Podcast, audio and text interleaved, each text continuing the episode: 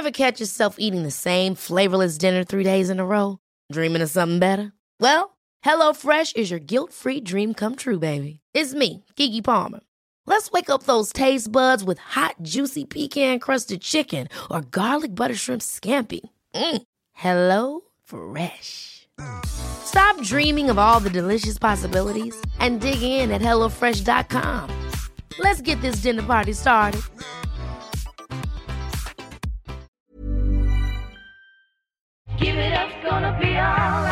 Velkommen til podkasten Helt konge. Mitt navn det er Øystein Pettersen, og jeg, jeg er en enkel fyr som har levd store deler av livet mitt i og rundt toppidrettsmiljøet i Norge. Og der, der har jeg hatt æren av å jobbe med og lære av noen av de råeste idrettsutøverne Norge noensinne har fostra. Og det har gjort meg lidenskapelig opptatt av hva er det som ligger bak det å få til noe. Det er en gledens dag, folkens. Det er en gledens dag. Altså, det er jo mange bra damer i, Norge, det er det, men en av de aller beste En av de aller beste har jeg som gjest i dag, og det er veldig ålreit. Men så, eh, rett før jeg begynte å prate nå, så er det en sånn nedtelling. Eh, og jeg har drevet med idrett hele livet, så jeg er veldig vant til at den nedtellinga, den eh, den, den, gjør at jeg skjerper meg. Men jeg har noen ganger opplevd at folk blir nervøse av den også. Og noen ganger har jeg blitt nervøs av det selv også, så jeg vet ikke hvordan gjesten har det, da. Men dagens gjest, folkens Dagens gjest, det er ei dame som um, Som inspirerer meg på mange måter. Uh, hun er Jeg ser på henne som fryktelig modig. Uh, ikke fordi hun gjør så mye farlig, tror jeg, men, men bare fordi at hun hun bare kjører på. Altså, jeg, jeg, opplever henne som genuin, jeg opplever henne som ekte. Hun bare kjører på. Jeg har lyst til å dykke litt i hvem dama er, hvordan hun tenker og hvordan hun jobber med seg sjøl. fordi at uh, det hun jobber med, er jo uh, noe av det samme som det jeg jobber med. Hun holder utrolig mye foredrag, er fryktelig dyktig og har holdt på med det veldig lenge. Men hun har òg litt sånn forhistorie, for hun har litt sånn Jeg tipper du har hørt om faren hennes, og det tipper jeg at henne har fått hørt mange ganger at hun er datter av far. Og det er vi jo Altså, de fleste døtre er jo døtrene til far, men det er ikke alltid at faren er så kjent. Det er en lang, veldig lang intro, men dagens gjest heter Gyrid Bekk Solberg. Og helt konge, Gyrid, at du setter av tid til å fjase litt med meg. Takk. Åh, åh, helt konge for at jeg får lov å være med. Og du har helt rett, den der nedtellinga. Jeg begynte å svette i hendene da jeg så den nedtellinga. Ja, sånn, burde man egentlig liksom gjøre folk bevisste på det på forhånd? At det nå kommer det til å komme som klokke? Ja, men du har jo allikevel fem sekunder. Da. Du begynner på fem, fire, tre. Men jeg kjente at jeg ble ganske varm i henda ja, når du begynte. Ja, det, er, det er så teit. Men hadde det vært bedre hvis det var lang nedtelling? Nei. Eller nei, nei, jeg tror ikke det. I hvert fall ikke for meg. Jeg syns det funka. Fem var fint. Ja, Det er noe fint, da. Fem sekunder. Du, du rekker liksom ikke noe annet enn å skjerpe deg. Du rekker, å, du rekker, ikke å, begynne å argumentere for at du skal trekke deg, f.eks. Så, så det er jo fint. Men ok, vi skal ikke snakke om den klokka. Uh, Gyrid Bekk Solberg, mm. kan ikke du, hvis jeg spør deg det, Dette er jeg spent på sjøl, hvem er du egentlig? Hva svarer du da hvis jeg stiller det spørsmålet? Hvem er Gyrid Bekk Solberg? Og hvorfor er uh, jeg er så fascinert av deg. Det kan du kanskje ikke svare Nei. på. Hvem er du? Eh, ja, jeg heter Gyrid. Jeg er fra Nøtterøy. Eh, jeg er utrolig glad i folk. Jeg har vært så heldig at jeg har vokst opp, som du sa i stad, med faren min. Han fascinerte meg Fra han begynte å gjøre det han drev med, så fascinerte han meg sånn. Vi er tre barn. Jeg er den eneste av barna våre, eller barna hans da, som som blei med han på alle håndballtreninger, alle fotballtreninger, alle, alle, foredrag han etter hvert begynte å holde. Og jeg så etter hvert hva han gjorde med folk, og jeg kjente at det gjorde noe med meg. Hva han gjorde med folk. Um, jeg har alltid vært uh, redd, alltid vært engstelig for ting. Uh, han ga meg etter hvert en trygghet som jeg skjønte at uh, her er jeg nødt til å dette, dette, her kan jeg bruke. som jeg sa, jeg elsker folk. Jeg får, å få lov å jobbe med mennesker og få lov å treffe folk tror jeg er noe av det viktigste, uh, viktigste jeg gjør. Um, jeg har to barn. To flotte barn. En på 31 og en på 26. Jeg er gift, og jeg har jobbet med ungdom nesten i hele mitt liv. Uh, og ja, jeg er nok, uh, som du sa, datter av faren min så veldig. Også, det har vært litt vondt for meg, for jeg syntes han var så streng. Så jeg syntes det var så kjipt å være dattera til Frank Beck, for han var så innmari streng. Men etter hvert så har jeg skjønt at eh, det han gjorde var veldig lurt og veldig smart. Han ga meg ansvaret for mitt eget liv. Ja, og, ok. ja. Det, er, det er så mye her. Ok, men Mm. eh, når du Når du på en måte må, skal beskrive deg sjøl, da, Ja. føler du et slags sånn er du, er du da pliktig til å si at du er datter av Frank Beck? Og, og kan du ikke, for de som ikke vet hvem Frank Beck, faren din, er, da, Mm. kan du ikke fortelle litt om han også? Men, men svar på det første først. Føler du at du, du på en måte er skyldig å, å si at du er datter av, eller at vi forventer at du sier det? Eh, Det kommer litt an på konteksten. Eh, Når det gjelder eh, sånn mentaltrening og foredrag og jobb, så føler jeg nesten Jeg gjorde det i hvert fall før, fram til for en seks-syv år siden. Men um, når det gjelder helt vanlig, så, så sier jeg at jeg er ei vanlig jente som er kjempeglad i mennesker, og som prater altfor mye, og har lært meg å lytte etter hvert. Og er glad. Jeg er et glad, glad menneske. Men ja, jeg føler i jobben min så føler jeg noen ganger at jeg er litt forplikta. Og i idretten, kanskje. Men det er ikke så veldig mange som kjenner, husker den igjen, som kjenner, kjenner den lenger nå enn det det var før. Ja, og for de som eventuelt ikke vet Mm. hvem det er, da. Hvem, hvem var eh, faren din? Han var den første i Norge som begynte å holde foredrag om mental trening og om tankens kraft og om hvordan bruke huet. Han pleide ofte å si at huet sitter der hvor det sitter, så er det like greit å ta det med seg på en fornuftig måte. pleide han å si. Og, så han var den første i Norge som gjorde det.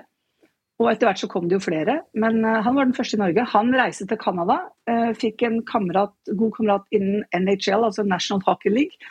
Og de var kommet mye lenger på det mentale enn det vi i Norge var. Eh, Så når han kom tilbake til Norge, så først så fikk han en jobb av Max Manus, fordi at han kjente Max Manus, og så ble det en kul greie. Og så etter hvert så begynte han å jobbe med dette her. På slutten av 70-tallet begynte han å holde foredrag og jobbe med mental trening. Og så sa du jo i en bisetning at uh, du opplever faren din som veldig streng. Mm. Eh, hvis du kikker tilbake nå, opplever du han fortsatt som streng, eller opplevde du han bare som tydelig? I, i, i betydningen at uh, uh, dette må du ta ansvar for sjøl, dette, dette må du velge, og dette må, du, dette må du styre, og det er ingen som kommer til å gjøre det for deg. Mm. Det er et veldig godt spørsmål. Jeg Ja, han var streng. Han hadde kroppsspråk som var helt vilt. Derfor er jeg veldig god på kroppsspråk, for jeg har lært meg kroppsspråk. Men, eh, men han, han var streng. Han var det. Men etter hvert, da når han fylte 50, så plutselig så sier han til meg en gang at vet du, jeg har vært bevisstløs jeg, de første 50 åra av livet mitt. Nå først skjønner jeg hvor viktig det er kanskje å se litt andre ting i folk, se litt andre egenskaper. Ikke være så sånn der, tu, tu, tu, og ikke være så veldig streng og hard. Så han angra nok litt på at han var så veldig streng. Det, det vet jeg han gjorde. Men eh, at han var tydelig, det var bra. Men den strengheten, den kunne han droppa, syns jeg. Men det har vi snakka mye om. Kan, kan, du gi et, kan, kan du gi et eksempel på på en måte eh, På hva som er forskjell på tydelig og streng? En gang på barneskolen så var jeg på klassefest. Jeg måtte alltid være hjemme én time før alle andre. Jeg fikk, måtte være hjemme klokka 11, de andre kunne få være hjemme klokka 12. Jeg var redd for å sykle hjem alene, alene. så jeg, en gang så ringte jeg til henne og så spurte jeg kan jeg få lov være ute til klokka 12, sånn at jeg kan sykle hjem sammen med de andre. Sa han nei, det får du ikke lov til. Kom deg hjem nå. Jeg har sagt klokka 11, og da mener jeg klokka 11. Det jeg syns han burde gjort, var at han burde kanskje sykle, kom, sagt at du skal være hjemme klokka 11, men jeg sykler og møter deg. Men det gjorde ikke han. Mm. Ja. For da hadde han, hadde han gjort meg trygg. Og han hadde også da Han hadde vært tydelig med, og hadde han kommet og henta meg, så hadde han vært tydelig med at jeg mener 11, men jeg gjør, jeg gjør det godt for deg, sånn at du kommer deg hjem klokka 11. Men han skjønte ikke at jeg ble styrt den gangen av frykt, for jeg grua meg til å sykle gjennom skauen alene.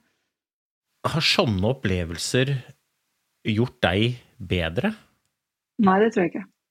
Nei, jeg tror, Har det gjort deg dårligere? Ja, eller i hvert fall, i hvert fall mer eh, engstelig. Men det er et veldig bra spørsmål, fordi at det, det jeg har funnet ut, er at eh, hvordan jeg i hvert fall ikke skal være. Jeg har jo funnet ut hvordan jeg ikke skal være, selv om jeg egentlig ikke liker det. Jeg liker å finne ut hvordan jeg skal være, men akkurat der så har jeg funnet ut hvordan jeg ikke skal være. Jeg skal ikke være så streng, og jeg skal ikke være så firkanta og så hard. Så jeg takker nå, egentlig, da. Ja, var, var litt, ja, for det var litt jeg satt og liksom Mm. følte Eller tenkte at liksom eh, Jeg er helt enig i at det var jo Det var kanskje over grensa, Mm. da. Eh, samtidig som det gjør jo deg veldig bevisst på eh, hvilken rollemodell du har lyst til å være, og hvordan du har lyst til å kommunisere med de folka du er glad i. Eh, for at faren din ville vel sannsynligvis bare spille deg god, men så endte han opp med å såre deg, da. Eh, Og kanskje til og med å skape litt sånn frykt, da. Men Det har så mange spørsmål rundt dette, men jeg må bare, siden, vi, siden vi er inne på det spinnet på det, det jo, Jeg pleier jo noen ganger å si at det måte eh, eh, de, Våre sterkeste egenskaper de er jo viktige å dyrke. Men hvis man dyrker den sterke egenskapen og drar den for langt, så blir den vår verste fiende. da. Eh, Typ den derre eh, Jeg snakker ofte om liksom Ofte det er de som har mest viljestyrke i seg som er mest utsatt for å kjøre seg selv i grøfta. Og det høres jo litt sånn teit ut, for at viljestyrke i seg sjøl, eller liksom handlekraft og gjennomføringsevne og sånn, det, det er jo innmari gode egenskaper, da, men ikke hvis man ikke lytter til hva det kroppen forteller meg. Hvis man bare pusher på, pusher, så går man jo man drar for langt, så blir det negativt. Da kan det være litt sånn her at den der tydeligheten og det ønsket faren din hadde om at du skulle forholde deg til reglene, og han skulle spille deg god, og at det på lang sikt sannsynligvis var lurt for deg å komme deg hjem klokka 11, ble dratt for langt. Ja, så absolutt. fordi jeg tror ikke han, han, jeg tror ikke han var så connecta til følelsen sin den gangen. Jeg tror ikke han tenkte at jeg kanskje kunne være redd. Og selv om jeg sa at jeg var redd, så sa han skjerp deg. Kom igjen, da. Det er klart du klarer det. Det er bare å sykle. Men han skjønte, han skjønte ikke hvor i all verden er Det er jo ingenting å være redd for. Men jeg, så jeg tror ikke han var helt connecta til følelsene sine da, den gangen. Jeg var, jeg var, det er jo mange år siden, så han ble jo det etter hvert. Men eh, han, derav, som han sa når han bikka 50, så sa han det at eh, jeg har vært bevisstløs i de første 50 åra av livet mitt. Og det var, tror jeg, hans måte å være En av tingene han var bevisstløs på, det var akkurat det. Må være veldig firkanta og være veldig hard. Så når han Jeg vet at du? Nei, Ja, nei, så, så når han etter hvert skjønte dette her, da, så gjorde han en del grep for å ikke nemlig kjøre seg i grøfta, som det du, det du uttrykte. For det tror jeg han hadde gjort hvis han ikke hadde skjønt hvor hard og hvor eh, kravstor han var. Og når du da jobber med ungdom, da Mm. um, Bak på, Dette ser jo ikke um, lytteren, men bak på veggen din så henger det et uh, sitat uh, som eh, jeg forbinder med både deg og faren din, og jeg antar at du gjør det samme. Eh, og det er jo et, det er jo et eh, det er jo et veldig fint eh, sitat, samtidig som det er jo på, måte, det er på mange måter litt hardt også. Det står jo bak der, så står det 'det er meg det kommer an på'. Det er det det står. Mm. Og, det, jeg er jo veldig enig i det, samtidig som Ref det vi nettopp prata om, det er jo ganske følelsesløst. Det er jo litt sånn kaldt i utgangspunktet, er det ikke det? Men hvordan er det du jobber med den setningen mm, fra et sånt godhjerta standpunkt, da? Um, jeg er vokst opp med den setningen, Uh, og etter hvert så skjønte jeg at den var bare at den var bare god. Fordi jeg mener det, Øystein, at eh, vi bestemmer ikke hva som skjer rundt oss. Vi bestemmer ikke over ektefellene våre, over kollegaene våre, over sjefene våre, over samfunnet generelt, som vi virkelig blir testa på og har blitt testa på nå i det siste. Men vi bestemmer helt selv hvordan vi vil takle det som skjer. Og hver gang jeg holder foredrag, så starter jeg foredraget med å si at jeg jobber ikke med folk i krise. Vi kan ikke begynne å snakke med folk i krise om den setningen der. Det er jeg 100% sikker på. Kreftforeningen bruker meg masse, altså Hjerte- og lungeforeningen bruker meg Men, men allikevel, vi, kan ikke si til en som virkelig er dårlig Altså, Vi kan si det til en viss grad, at nå er det meg det kommer an på om jeg kommer meg opp av sofaen og gjør det som er riktig, og spiser de riktige tingene, og hvile og bruker tiden min riktig, og snakke meg selv opp i stedet for å snakke meg selv ned. Men, men det er ganske hardt, som du sier, å si det er meg det kommer an på. Skal vi si, egen utvikling og, og egen hverdag og egen trivsel, det er jeg helt sikker på sitter hos hver enkelt en av oss. Og så da gitt innenfor visse rammer, da. I går for eksempel, så var jeg og holdt et uh, veldig spesielt foredrag. Eller som jeg sa, foredraget var ikke spesielt, men de som jeg hørte på. Og, nei, de som hørte på meg, og det var for um, uh, hva heter det for noe, lindrende og palliativ enhet på et sykehus. Og de har jo visse rammer. Så det er jo meg det kommer an på innenfor disse rammene som gjelder. Mm. Så ja, ja, ja, jeg er enig, det er veldig kaldt, men eh, jeg står for det 100 Jeg er helt enig med deg. Og så er det veldig lett da, å føle at man eh, blir angrepet. Når noen sier det, så, så er det veldig lett å føle seg angrepet. Ja, men kjære vei, eh, du kjenner ikke meg, Gyrid. Du vet ikke hva jeg må forholde meg til. Og, og, og det er på en måte Det er veldig mye sannhet i det, eh, samtidig som uansett hva slags rammer du har, øh, er blitt tilgitt, uansett hva slags måte, kontekst du står i, så, så, er det jo ting man kan ta tak i, og som man kan øh, påvirke. Da. Så handler det om å få ta tak i de. Da. Uh, dette har jeg snakka om noen ganger før, da, men um, Jeg har vært borti kreftpasienter på det, helt på det siste som har sendt meg melding uh, og takka meg for 'lag en god dag'. Mm. Og det er liksom sånn, mm. det er jo veldig knallhardt å si når du ligger på siste stadie i kreft, og du vet at det, er, det går bare én vei, dessverre. Mm.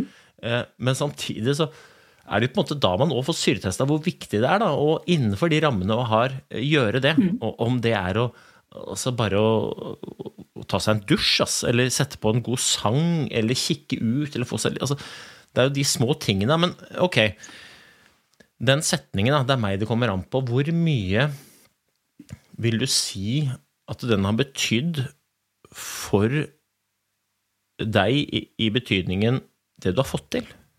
Den har betydd enormt mye for meg.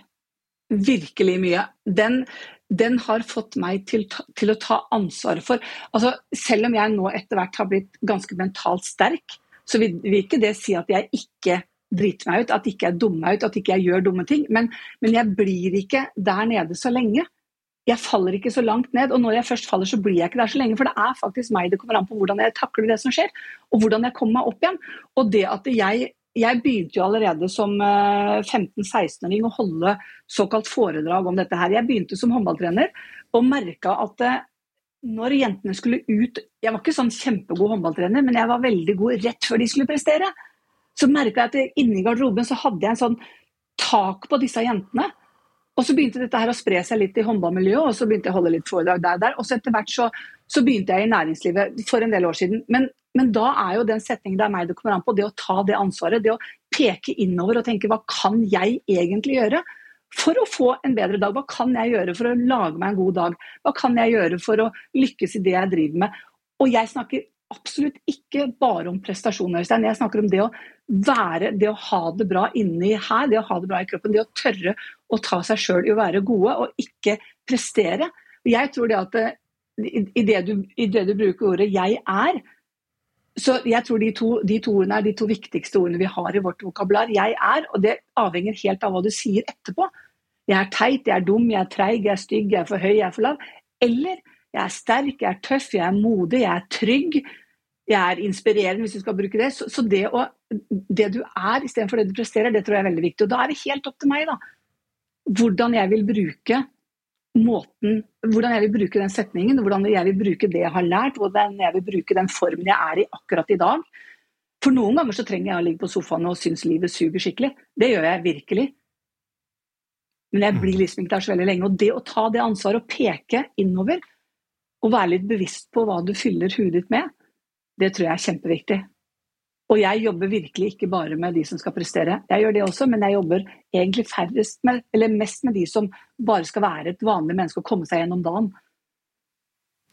Ja, og ikke bare komme seg gjennom dagen heller, men fungere. Ja. Er, ikke, er ikke det jo. det dreier seg om? Da? Liksom sånn, uansett om du skal prestere eller ikke, i målt i at du skal få til noe fantastisk, så er du jo opptatt av å prestere så godt du kan som menneske eller som mamma eller som pappa eller som ja. det ene eller som det andre. Ja. Og, og, og, igjen, ikke, ikke sånn toppidrettskontekst, men sånn, sånn mm. du føler jo om du gjør det bra eller ikke. Men den, den er utrolig Jeg håper lytteren kan liksom smake litt på den setningen. Eh, hvordan fullfører du setningen 'jeg er'? Mm. For at det du sier etterpå, der sånn, det legger så innmari føling for hvordan du føler det, mm. og hva du faktisk ser når du kikker deg sjæl i speilet. Ja. Og, og, det ikke er noe Jeg tror dessverre Da kan du arrestere meg hvis det er eh, feil, altså, men jeg tror at vi sier Eller gir ulikt svar i ulike kontekster mm. på den setningen. Mm. Fullfør setningen 'jeg er', så tror jeg at det, hvordan du fullfører den setningen, avgjør av kontekst. Og det er jo veldig trist, fordi at det signaliserer jo at vi sammenligner oss selv og vår egen verdi basert på hva alle andre tror om oss selv. Mm. Og det er litt skummelt, er det ikke? Jo, det er, det er kjempeskummelt. Det, det, er jo det, det, også, å begynne å sammenligne seg med alle andre, det er kanskje noe av det mest skumle du kan gjøre. For at i, i det sekundet du sammenligner deg med altså Du får ikke gjort noe med det du får ikke gjort noe med den andre personen. Men i det sekundet jeg begynner å sammenligne meg med meg selv, det jeg gjorde i går, bli litt flinkere i dag til å ta meg selv i å være god enn det jeg var i går. Bli litt flinkere til å si hei når jeg kommer på jobben. Bli litt flinkere til å ta imot skryt. Bli litt flinkere til å snakke meg selv opp. Bli litt flinkere til å se andre, gi hverandre high five enn det jeg var i går. Istedenfor å si de, bli litt flinkere enn det Kari var. Det er helt uinteressant. For det første så er jeg ikke Kari, jeg kan ikke få gjort noe med Kari engang. Og for det andre så får jeg ikke Det Kari gjør, har ingenting med meg å gjøre. Jeg jobba med en, jeg med en mm en gruppe, og så stilte jeg spørsmålet 'Hvem er du?' Og så var det en i gruppa som svarte 'Jeg er den du Jeg er den jeg tror at du tror at jeg er'. Mm. Og, og, det det sier innmari mye om selvtillit. Det sier innmari mye om selvbilde, det sier innmari mye om selvfølelse, det sier innmari om e opplevd egenverdi, og også liksom tro på seg sjøl. Mm. Eh, men, eh, men, jeg tror det er symptomatisk for et sammenligningssamfunn. Men ok. Men, men Øystein, kan jeg få si en ting? Jeg var nemlig på foredrag her for en stund siden med en som er virkelig, virkelig god på scenen. og er liksom, Han heter Øystein Pølsa Pettersen. Og jeg satt i salen, eh, og så, så, kommer, vi, så kommer vi dit og så får en sånn nametag. Så får vi ikke lov å skrive noe på den nametagen.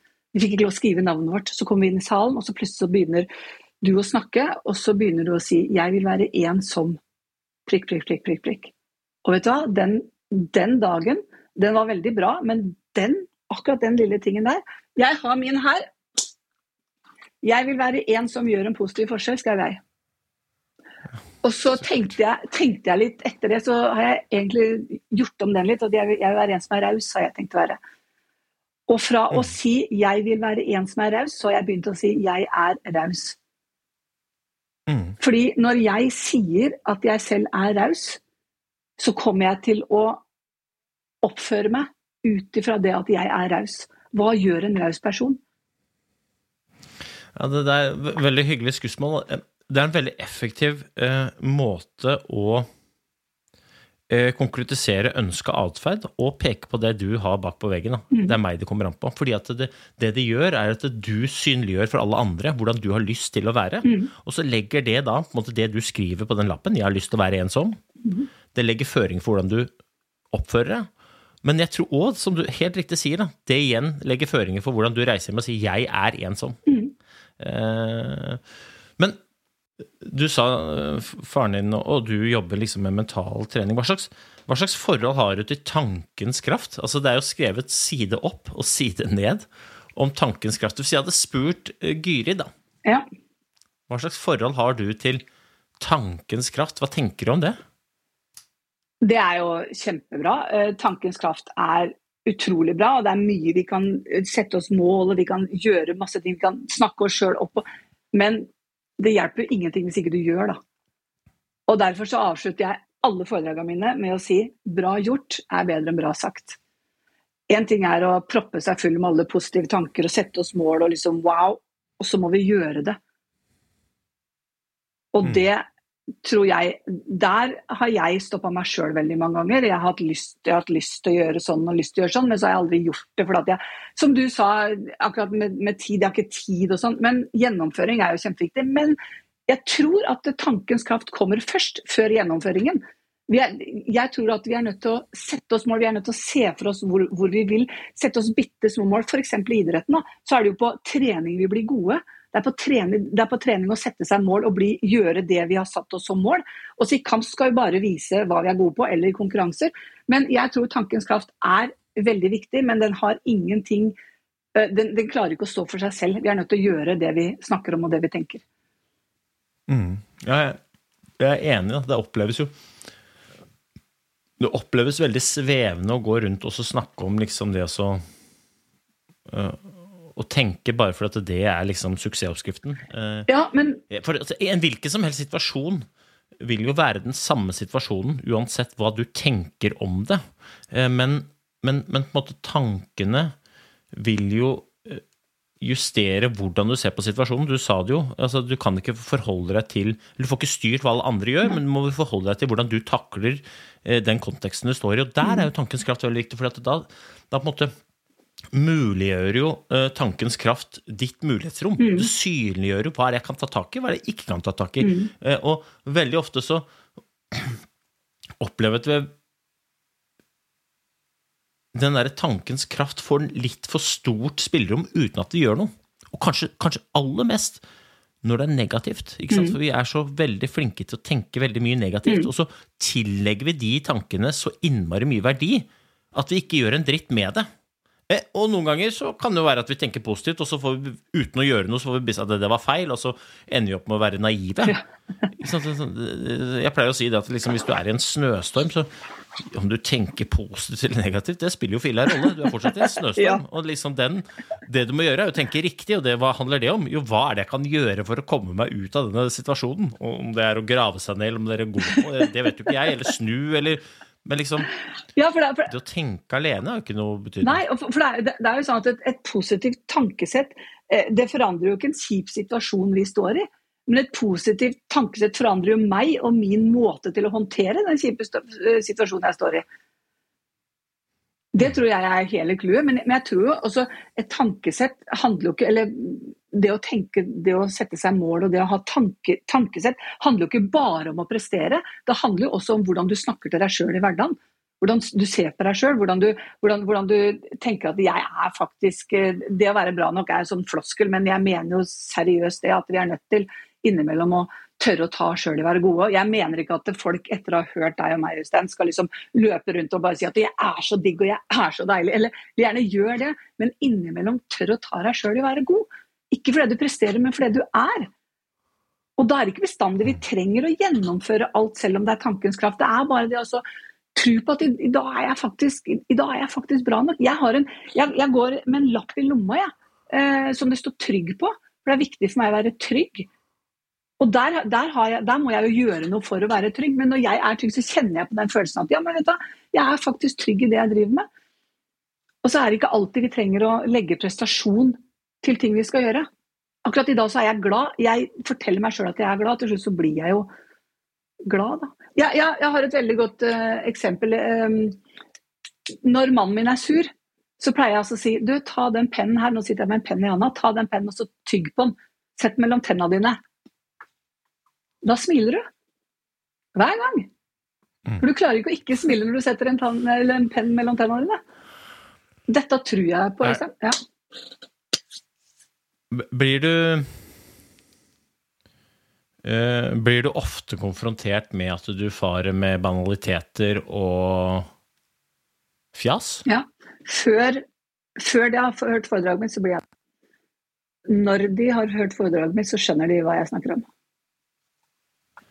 Hva, uh, hvordan forholder du deg til kritikk fra folk som ikke vet hva du prater om, men som bare har hørt om det er eh, innlegg på Instagram eller små liksom setninger uten kontekst? Hvordan forholder du deg til den kritikken? Eh, for å være helt ærlig så har jeg ikke fått så veldig mye av den, men når jeg får det, så blir jeg egentlig først litt lei meg. Og så sender jeg en lang forklaring på hva jeg mener. Så setter jeg, setter jeg det i kontekst for den personen som kritiserer. Men jeg får litt vondt. Jeg gjør det. Jeg er ikke så god på IF, selv om jeg jobber med det. Nei, for at det var det egentlig det jeg skulle fram til. Hvor god er du til å gi blaffen, liksom? Fordi at eh, vi snakker jo akkurat om sammenligningssamfunnet, og vi snakker om tankens kraft, og vi snakker om det er meg det kommer an på. Og så lurte jeg da på hvordan er du til å forholde deg til ting som påvirker deg negativt, da? og som du ikke får styrt. Ja. Jeg har absolutt blitt bedre på det. Um, og jeg har nok blitt bedre på det jo eldre jeg blir, for jeg skjønner nå at det fins verre ting i verden enn å få kritikk, enn å få drittslenging eller om å tape en håndballkamp eller skiløp eller et eller annet. Det fins verre ting i verden. Så, så det jobber jeg veldig ut fra. Og så, er det litt sånn at når du, får, når du får dritt, så har jeg lært å tenke at det er faktisk eh, dens problem og ikke mitt. Det jobber jeg veldig med. Og det kan godt hende de mener, og jeg går gjerne inn i en diskusjon med de. Absolutt, det gjør jeg mye. Jeg liker mye, men de gangene jeg får det, så går jeg inn i en diskusjon med de. Og da skjønner de etter hvert at, eh, da skjønner de hva jeg mener. Så det å sette, slenge sånne floskler og sånne setninger som jeg gjør på Instagram, det kan være litt risky. Har du behov for å bevise at du har rett? Nei. Og det har kommet med alderen. Hvorfor går du, hvorfor går du da inn i diskusjon? Jo, men jeg vil veldig gjerne forklare, da. For jeg Vet du hva, jeg skal si en ting. Jeg tror helt ærlig at en gang når jeg var ung, så hadde jeg blitt en innmari god håndballspiller hvis jeg ikke hadde At det ødela så mye for meg. Eh, det som er så spesielt, tror jeg, da, er at folk bryr seg egentlig ikke. For vi har nok med oss sjøl. Og Ja. når jeg skjønte det, da ble jeg god. Og når jeg skjønte en annen ting, det var at jeg er Gyrid, men jeg gjør håndball. Så når jeg har driti meg ut på håndballbanen, så er jeg fremdeles en ålreit person. Før så var jeg ikke det. Når jeg nå driter meg ut for foredrag, så er jeg fremdeles en ålreit person, men før så gikk jeg i kjelleren. Ja, det, der peker du på noe viktig, da, fordi at det, um, jeg, tror, jeg tror det er jævlig viktig å skille akkurat det du sier der, sånn, fordi at eh, jeg tror ingen noen gang kommer til å bli gode nok i det de gjør, men jeg tror alle er gode nok sånn som de er. Og, og det er to forskjellige ting, for det ene er liksom dette er det jeg holder på med. Her kan det alltid bli bedre, men som person ja, men der er jeg god, og det er egentlig ikke noe nok der Nei. heller. For det er, sånn, det er ikke noe konkurranse. Du er Ja. god, punktum. Ja. Eh, Men forstå meg rett, du kommer aldri til å bli god nok i det du holder på med. Jeg har vært olympisk, jeg ble olympisk mester. Jeg var ikke i nærheten av å være god nok. Jeg, sånn, jeg, jeg, kan litt om det jeg prater om, altså, for akkurat dette det er, det er spennende. Men ok. Og, og det er en av grunnene til at jeg elsker bursdag. Det pleier jeg å si. For jeg 27. januar, bare så du vet det, for da blir jeg hylla for den jeg er, og ikke for det jeg presterer. Ja, det er veldig bra. Men selv da har vi en tendens til å ikke like den anerkjennelsen. Ja, Nei. Bursdagssang, det verste som er. Men hvis du ikke får det, så er det sånn Faen, det er ingen som sang bursdagssang. Så vi, vi liker jo ikke det. Nei. Ok, men eh, Men når du på en måte har vokst opp med et sånt mindset, da Mm. eh, Hva slags forhold har du da til det å være modig eller ha mot til å gjøre det du har lyst til, for å få til de tingene du vil? Mm. Hva slags, hva slags forhold har du til det? Er du modig? Eh, vet du Øystein? Jeg ser på meg selv som veldig modig på mange områder. Og veldig lite modig på flere områder. Eh, blant annet, jeg er lite modig. Jeg, jeg er litt sånn utrygg hjemme alene og sånn. sånn. Der har jeg ikke motet. Men det å tørre eh, å Jeg var alltid den som sto på bordet og sang i mikrofon på nachspiel. Jeg elska det. Eh, så så det, det gjør de gangene jeg ikke satt med en eller annen i armkrokene og passa på at de hadde det bra, for det var meg på fest, det òg. Jeg har alltid sett folk, og folk har kommet til meg når de har blitt slått opp med og vært for fulle og sånn. Men, men det å er jeg nødt til å ha hatt, fordi jeg har foran hvert eneste foredrag fram til for ca. tre år siden, tre-fire år siden, så spydde jeg foran hvert foredrag. For jeg var så engstelig for at folk ikke skulle like det jeg kom med. Så jeg har følt meg, jeg føler meg veldig modig som har tort å gjøre dette her. Jeg føler meg veldig modig som går i eller det vil si, Jo, jeg går i fars fotspor, men jeg er veldig opptatt av å lage mine egne. Men jeg tror, jeg tror det å være modig handler om Åh, jeg vet hva, jeg syns det er så vanskelig å svare på. Jeg føler at jeg er modig, men fy søren, jeg har jobba for det. Eh, men jeg er ikke redd for å drite meg ut, da. Det er jeg ikke. Men det er ikke noe godt svar, vet du, Øystein. Det her, var- det her syns jeg var vanskelig å svare på. Ja, men det er jo kanskje det som er fint. Det er Ja. folk skjønner at dette er ikke noe Dette er jo bare en prat. Det er ikke noe Jeg har ikke sendt deg spørsmål Nei. på forhånd. Eh, og jeg, jeg, og jeg, bare, jeg er jo bare interessert i å høre det. Jeg, sånn som jeg tenker på mot, så er det jo på en måte Jeg tror alle sammen har lyst til på et eller annet vis å være modige. Ikke i betydning å gjøre farlige ting, men liksom ja, stå opp for seg sjøl og gjøre ting som vi syns er ukomfortabelt. Da. Eh, men, men mot altså, Det er jo umulig å være modig hvis ikke det er et element av frykt der, da. Eh, og, og, og jeg, jeg er jo ærlig på at jeg utenfra opplever deg som, som modig, og det er en av de tingene som som på en måte jeg satt igjen med veldig tidlig, de gangene jeg har truffet deg. Altså liksom, Det der er en modig dame. Eh, og det inspirerer meg. Og grunnen til at jeg syns du er modig, mm, Gry, det er fordi at eh, den jobben du har, da, og den jobben du gjør, eh, det er en sånn type rolle som eh, jeg ofte får høre at det er lettere for meg å skape enn for eh, folk som ikke er, har stikket fram trynet sitt på en skjerm, eller har gått gjennom en skog i tights med et startnummer på Norge-flagget i panna. Eh, og det kan godt hende at jeg har en fordel, da, i og med at jeg, folk, folk har kjent til meg. Eh, som gjør at jeg kan på en måte få noen oppdrag, helt sikkert på grunn av det. Men Men det har ikke du. Og det jeg har tenkt på, at det er vel noe modig det er å tørre å ta en sånn vei når du vet at det finnes folk der ute som har på en måte en liten fordel i utgangspunktet. Mm. Og jeg har holdt på bare noen år, du har jo holdt på i, i, mange år. Og du er en av de beste i klassen, og du reiser jo landet rundt og får lov til å, å, å dele tankene. Jo, jeg mener det. Jeg mener det. Jeg, mener det. jeg sier ikke for å bare skryte, jeg mener det fullt alvor. Og det der, det der inspirerer meg. Hvordan er det du hvordan er det du forholdt deg til det? For det er jeg helt sikker på at du har tenkt på sjøl òg. Hvordan er det du forholder deg til akkurat det faktum at det, i utgangspunktet så hadde du kanskje litt dårligere kort på hånda enn det jeg hadde, når det kommer til kjennskap. Mm.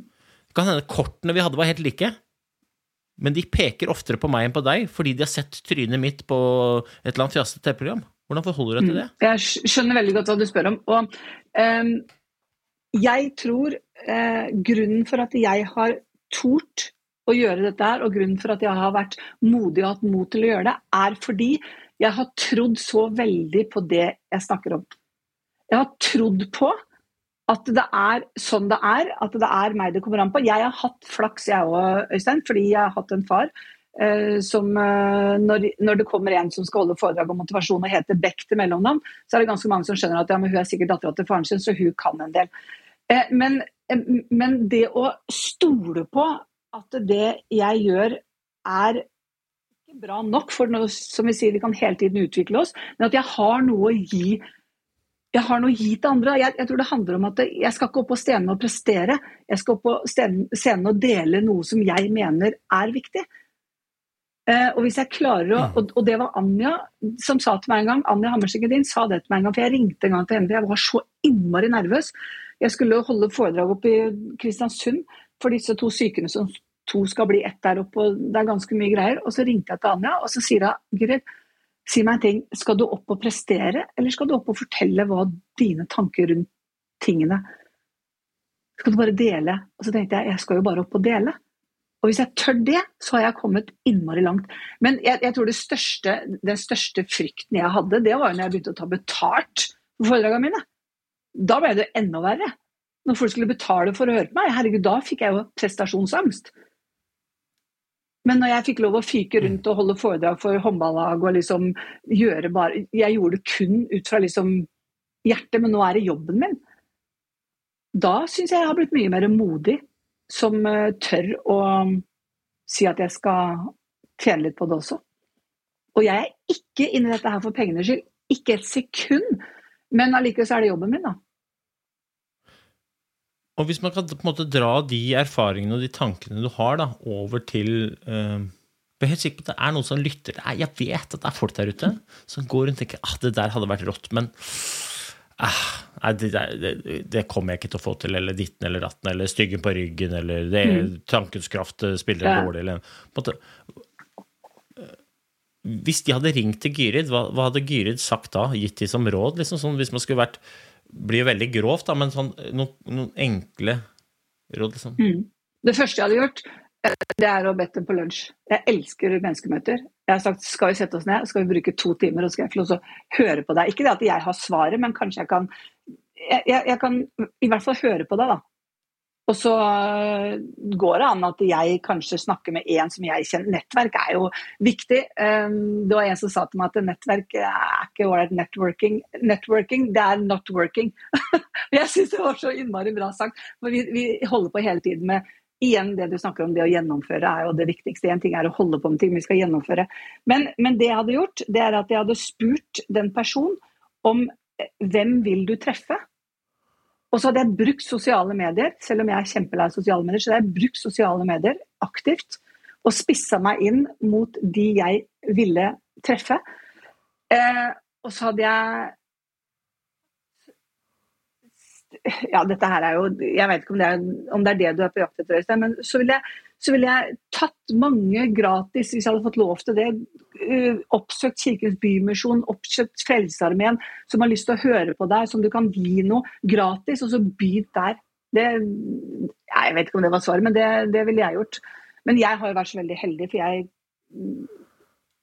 ja, traff ja, og jeg, jeg, tror det der gjelder uansett. Altså, måte, jeg, jeg, tror ikke det er alle som drømmer om å, om å, å holde foredrag, da.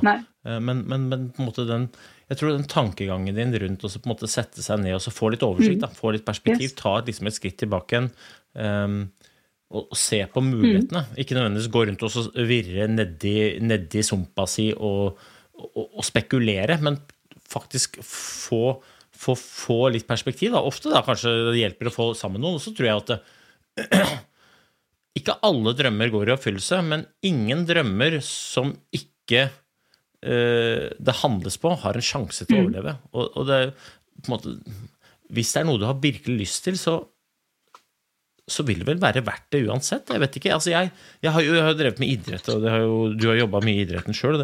Der er det jo veldig mange som, som går all in mm. for å bli Ofte typisk jeg skal bli best. Mm. Og det er jo veldig få som blir best. Mm. Og, og, i og med at jeg har drevet med langrenn, altså på hver vår så er det et sånt skred av løpere som gir opp drømmen. De gir seg. Jeg, jeg, nå, nå må jeg gjøre noe annet. Men ingen av de, selv om de ikke nødvendigvis har nådd drømmen, skriver 'fy søren, dette var 15 år rett i søpla'. Alle de skriver 'tusen hjertelig takk for alt jeg har lært, opplevd, tjo og hei'. Og jeg har sagt det før, jeg sier det igjen, jeg tror jo at det går an å leve drømmen uten å nødvendigvis å realisere den jeg, mitt mål var å bli verdens beste skiløper. Og, og, selv om jeg øh, var blant verdens beste, så ble jeg aldri verdens beste skiløper. Men vet du, jeg levde drømmen, ass. Fra første dag jeg sendte, nå går jeg all in, så levde jeg den drømmen.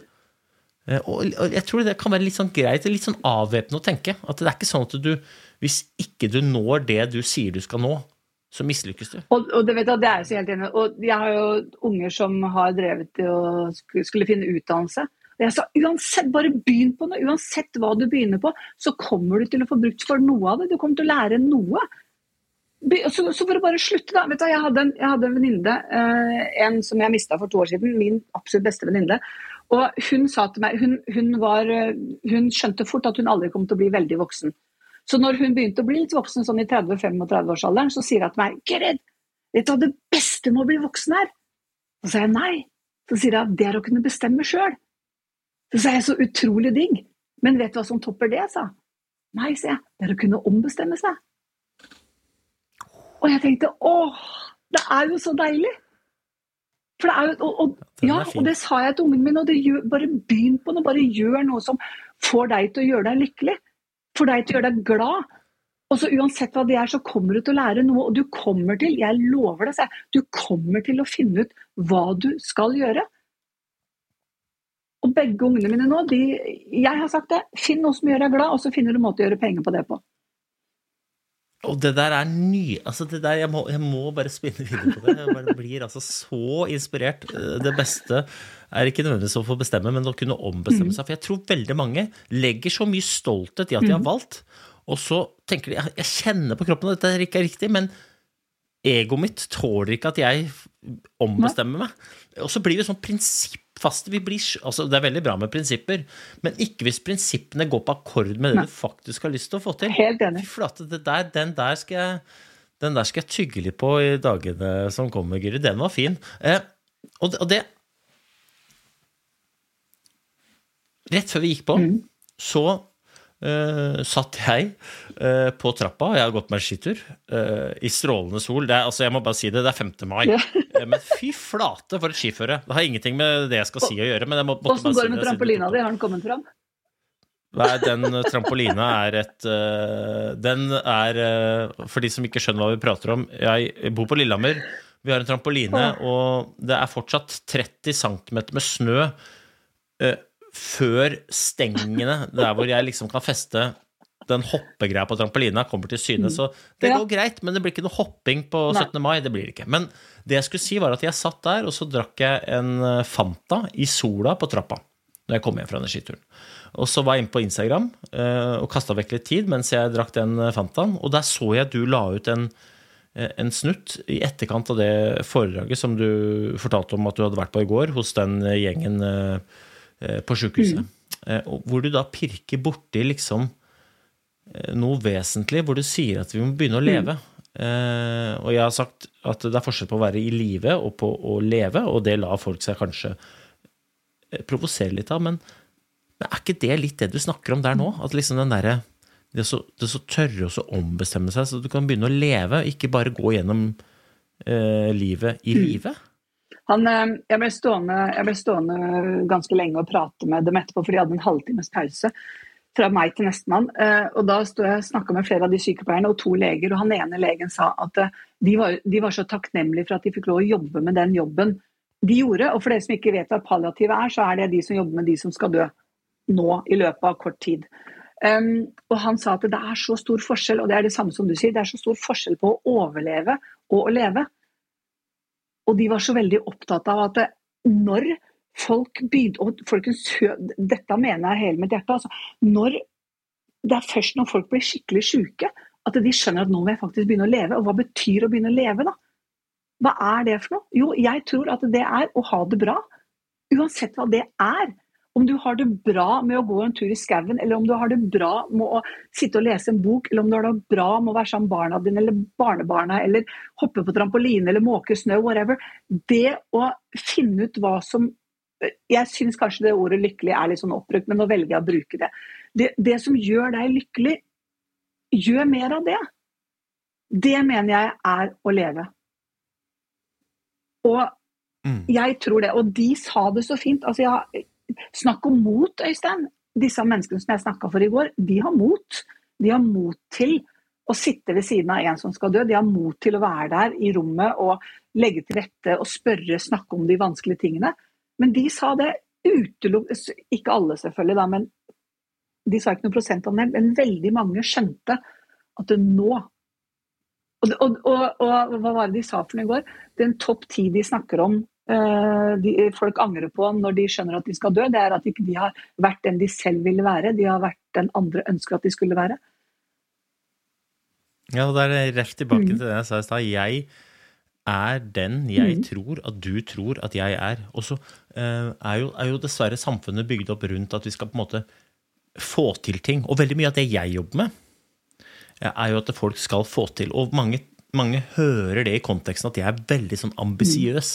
Ja, du må få til alt, og du må bare Alt skal være helt rått. og det er ikke det jeg mener. Jeg, jeg, mener det ikke sånn. Jeg mener det egentlig som at rydd unna, sånn at du har tid til å få til de tingene som er viktige for deg. Og det kan jo være, for, for min egen del er det å følge ungene til skolen og hente de fra skolen. Det er jo ingenting i det som samfunnet ser på som veldig ambisiøst, men det betyr dritmye for meg. Og så er det tidvis ganske krevende også, det er jeg ærlig på. men samfunnet er bygd opp rundt oss og måler hverandre på resultatene vi skaper. og Det der er kjempeskummelt. Altså min, en av mine største helter, det er kanskje teit å si, men det er Bruce Springsteen. Og Bruce Springsteen uh, han har en sang som heter Badlands, og i den låta så synger han Poor man wants to be rich.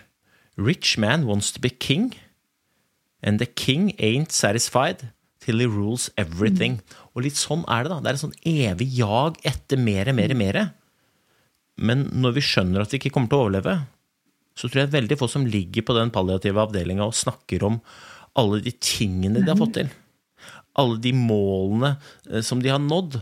Men vi snakker om mm. relasjoner. Vi snakker om den derre turen ned til skolen, den derre avslutninga, den derre klemmen, den derre middagen. Ja, det er ikke tvil. Ja, det, dette her er jo midt i right up my alley. Altså, dette brenner jeg så for. Og, og, da skjønner jo folk at det er meg det kommer an på. handler ikke bare om prestasjoner, sånn som du sier at folk tror at du også snakker om bare prestasjoner. Det er meg det kommer an på hvordan jeg har det. I stad, Jeg også gikk ut i stad før jeg skulle inn her i podkasten med deg, og satt meg ned i sola med en kopp. Jeg tok Pepsi Max da, jeg er så glad i det. Og, og, og satt og nøyt, og så satt jeg og kikka meg rundt og tenkte herregud, så heldig jeg er. Fordi, Øystein, under pandemien så mista jo du og jeg all jobb. Det var noe dritt. Eh, jeg satt her hjemme og syntes skikkelig synd på meg sjøl, hadde det vondt. Og så kommer april, eh, og for meg økonomisk så var det ikke så veldig farlig, for mannen min fikk ti ganger så mye å gjøre. Han har liksom ennå ikke hatt ferie. Men jeg satt der nede, syntes synd på meg sjøl, og så kommer april, og så plutselig så kommer jeg på Ja, men Gyrid, du har faktisk et foredrag som heter Det er meg det kommer an på. Vet du hva? Jeg møtte meg sjøl så i døra. Det var så vondt. Jeg hadde lyst til at eh, folk skulle huske på meg når pandemien var over. Men, men, hva kan jeg egentlig gjøre? Det var ikke min skyld at pandemien kom. Men det var mitt ansvar Øystein, å komme meg gjennom det hvis jeg hadde lyst til å fortsette den jobben jeg hadde. Så måtte jeg tenke, så hva kan jeg egentlig gjøre? En av de tingene jeg gjorde, var å bli mer hissig på sosiale medier. Altså, jeg syns ikke det var så veldig gøy. En annen ting var at jeg tok sånn noe kurs. Jeg gikk mye inn i meg sjøl. Jeg begynte å lese bøker. Jeg begynte faktisk å meditere og lære meg å være stille. Og så var det én ting jeg lærte meg, som det var en kamerat av meg som kom til meg, og han visste hvordan jeg hadde det, for jeg hadde det kjipt. Og alle hadde det kjipt, jeg hadde ikke verre enn andre, men jeg også syntes det var kjipt. Så kommer en kamerat eh, hjem til meg, fem meters avstand selvfølgelig, og så står han og ser på meg. Og så sier han, Gyrid, du kunne ikke tenke deg å begynne å bli litt mer takknemlig, da? Så sa jeg til ham, er du seriøs? Har jeg noe å være takknemlig for? Så sa han, ja, det har du, og det syns jeg søren meg du burde begynne å leite etter. Og det er liksom da at når jeg begynte, og folk kan tro at dette her er noe jeg sier bare for å ha noe å si på foredrag, men nei, det er ikke. Dette er helt på ekte. Og når jeg begynner å leite etter ting å være takknemlig for, så finner jeg bare mer og mer og mer og mer og mer å være takknemlig for. Og nå skal jeg si en sånn floskel, en sånn setning igjen, men jeg elsker den. Det er ikke de lykkelige folka som er takknemlige, Øystein, men det er de takknemlige folka som er lykkelige. Suck on that. Og så må vi begynne å tenke litt, da. Hva er det vi kan være takknemlige for? Vi kan være takknemlige for masse. Bitte småting. Sånn at du hadde tid i stad til å sitte og ta deg en Fanta i sola og puste med maven og bare være der. Jeg tror vi må være litt mer dømt til stede. Jeg mener jo helt seriøst at enten så er det bevisst, eller så er det bevisst løs. Det fins ingenting imellom. Og jeg tror at, og det er også sånn floskel, men når du snakker deg sjøl ned, når du leiter etter det som er dritt, når du er liksom Så er du bevisstløs. Og det som er så morsomt, som er så bra, det er at eh, livet har gitt oss så mange sekunder hvor du virkelig kan snu. Du må bare vite at du har muligheten. Så hva kan jeg egentlig gjøre nå? Jo, jeg kan kanskje sende en melding til Øystein som alltid er så positiv. Jeg kan kanskje gå inn og se på noe, høre på musikk, lese en bok, nyte sola. Jeg, jeg hadde et foredrag for, for, en stund siden oppe på Kjerringøy. Og der var jeg på det samme hotellet som der hver gang vi møtes har vært nå. Det er et kjempefint hotell. Og jeg tror aldri jeg har sett en sånn utsikt noen gang. Og så satt jeg og prata med han sjefen, han direktøren der oppe, og så spurte jeg Ser du deg noen ganger Ser du deg rundt? Ser du hva du har rundt deg? Så sa han nei, han gjorde jo ikke det, for det hadde han jo ikke tid til. Og så var han jo blitt så vant til det. Men jeg bare sto og jeg ble rørt når jeg så disse fjellene. Og det er veldig ofte sånn at eh, tenk om vi kunne ta oss tid til å se de menneskene vi har rundt oss, som virkelig er bra. Tenk om vi kan, om vi kan ta, ta, oss tid til å se ting rundt oss og legge merke til. Og fokusere på det vi har, istedenfor å fokusere på det vi mangler. For det er det veldig mange som gjør. Og nå ble jeg filosofisk, men dette Ja. Kan, ja, men du skal vite at du snakker til og med en liten hobbyfilosof. Ja. Det er noen som mener at jeg er en liten stoiker, så mm. jeg eh, Og jeg, jeg, eh, jeg er veldig enig i veldig mye du sier, og så tror jeg kanskje det er greit å presisere at dette gjelder også i, i betydningen kan du gjøre mindre. Mm. Ja, ja, ja. For hvis du gjør eh, mindre, så tror jeg du får gjort mer. Jeg tror grunnen til at vi ikke er så takknemlige, er fordi vi hele tiden igjen tilbake til Bruce, det er liksom vi mhm. jager. Poor man wants to be rich. Ass. Liksom, det, det, vil aldri bli nok, så vi jager mer og mer og mer. Det vi egentlig trenger, er mindre, slik at vi kan se det vi faktisk har. Jeg skal bare for å bli glad, jeg skal bare for å bli lykkelig, jeg skal bare ha det jeg trenger, det jeg må ha det. Ja. Ja. Og når jeg får til da. det, da skal jeg. Mm. Liksom. Men uh, jeg tror ikke det er sånn det fungerer, for du vil alltid hige. Så hvis man klarer å sette på grensene, eller sette på bremsene, mm. og se rundt seg og, og, det er litt sånn symptomatisk. Dette gjelder ikke bare prestasjonsøyemed, men det gjelder også, som du sier, relasjoner. Det er veldig synd at det er sånn at folk kan jobbe 15 år på et sted, ikke høre en dritt.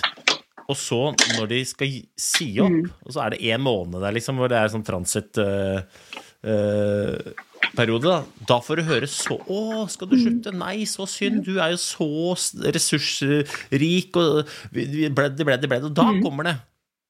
Kan vi ikke, kan vi ikke ta det med en gang? Da? Jeg kunne jo brukt begravelseseksempel òg, men det er jo samme mekanismen. Faen. Vi tar hverandre på fersken i å mm. være gode, og gi de folka som eh, du setter pris på, eh, beskjed om at faen, jeg setter pris på det.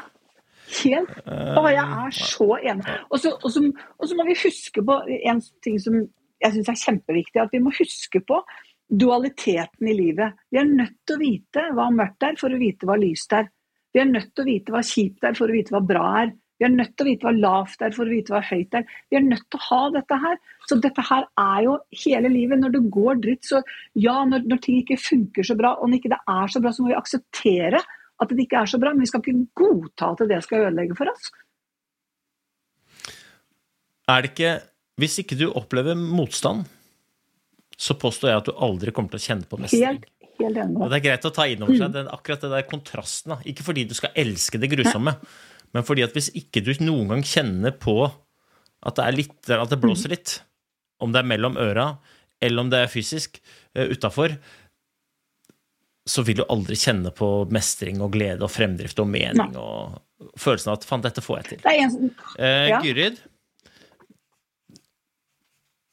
eh, du er helt konge, du. Altså, jeg, jeg mener det. Du er altså så bra, da. Jeg, eh, jeg, jeg håper folk liksom eh, tar seg bryet til å så tørre å reflektere litt. Da. Spesielt den der setningen som du sa tidlig. Da, liksom, 'jeg er'. Eh, og hvis du putter det inn i konteksten som vi har prata om, så, så tror jeg den er, eh, den er viktig. ass. Eh, Tusen hjertelig takk for at du tok deg tid, Gyrid. Det har vært eh, helt konge å, å ha deg her. Eh, Og mm, vit at eh, jeg ser på deg som modig, og vit at du inspirerer meg. Tusen hjertelig takk for meg, Øystein, og takk for at jeg fikk lov å være med. Og du er helt konge. Det, det mener jeg. Jeg digger det. Vi snakkes. Det nå er det nok skryt. Nå er det nok skryt. Nå må vi kjøre på! Lag en god en. Ha det!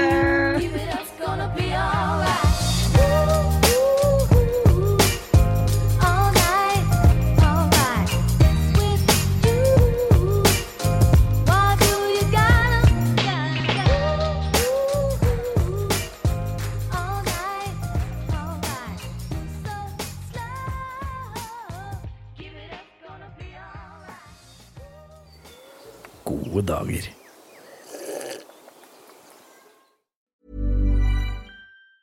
Ever catch yourself eating the same flavorless dinner three days in a row? Dreaming of something better? Well, HelloFresh is your guilt free dream come true, baby. It's me, Kiki Palmer.